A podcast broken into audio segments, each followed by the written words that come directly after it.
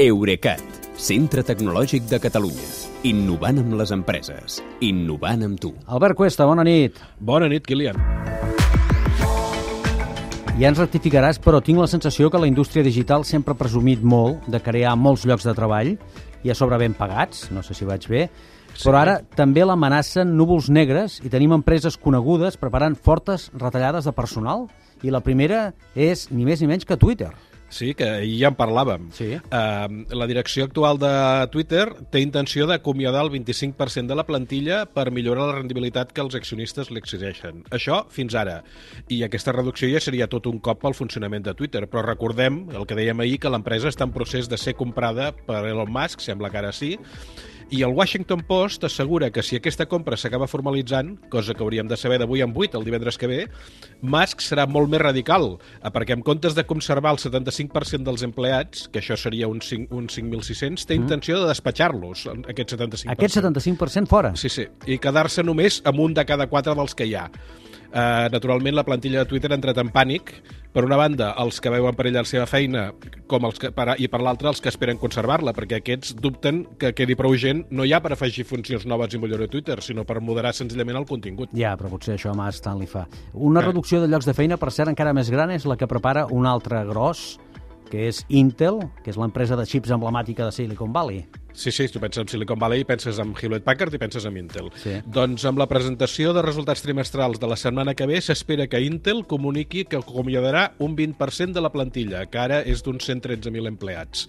Uh, recordem que fa 6 anys Intel ja va retallar uns 12.000 llocs de treball, que aleshores eren un 11% del total.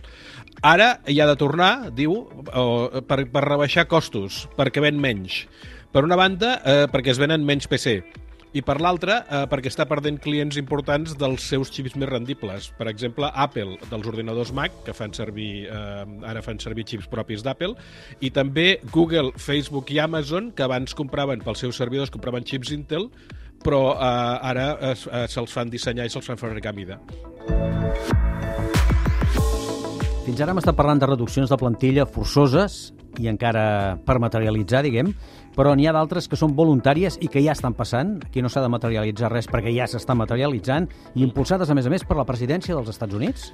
Doncs sí, eh, el decret més recent del govern Biden, perquè, perquè amb aquesta dèria per deixar sense components ni maquinària la indústria xinesa de semiconductors avançats, també té una derivada laboral, perquè inclou una provisió que obliga els enginyers i directius nord-americans a renunciar a la ciutadania dels Estats Units si volen continuar treballant amb empreses xineses.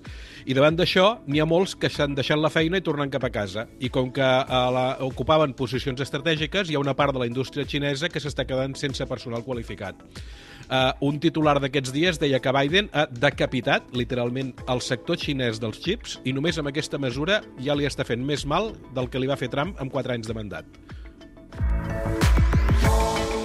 I acabarem parlant, si et sembla, encara de més reduccions de plantilla, però afortunadament aquestes són només virtuals, perquè afecten a feines, aquí ara m'apunta el Sergi, feines que no han existit mai, Uh, sí, expliquem-ho, aviam. Aviam. Fa només, fa només dues setmanes a la xarxa social professional LinkedIn, que serveix, entre altres coses, per buscar feina, Sí. hi havia gairebé 600.000 perfils de persones que asseguraven treballar a Apple i 1,25 milions que deien ser empleats d'Amazon. I no. Aquestes, aquestes dues xifres són falses, ni que sigui perquè Apple eh, en realitat té 150.000 empleats, que són la quarta part dels que sortien a LinkedIn, Sí.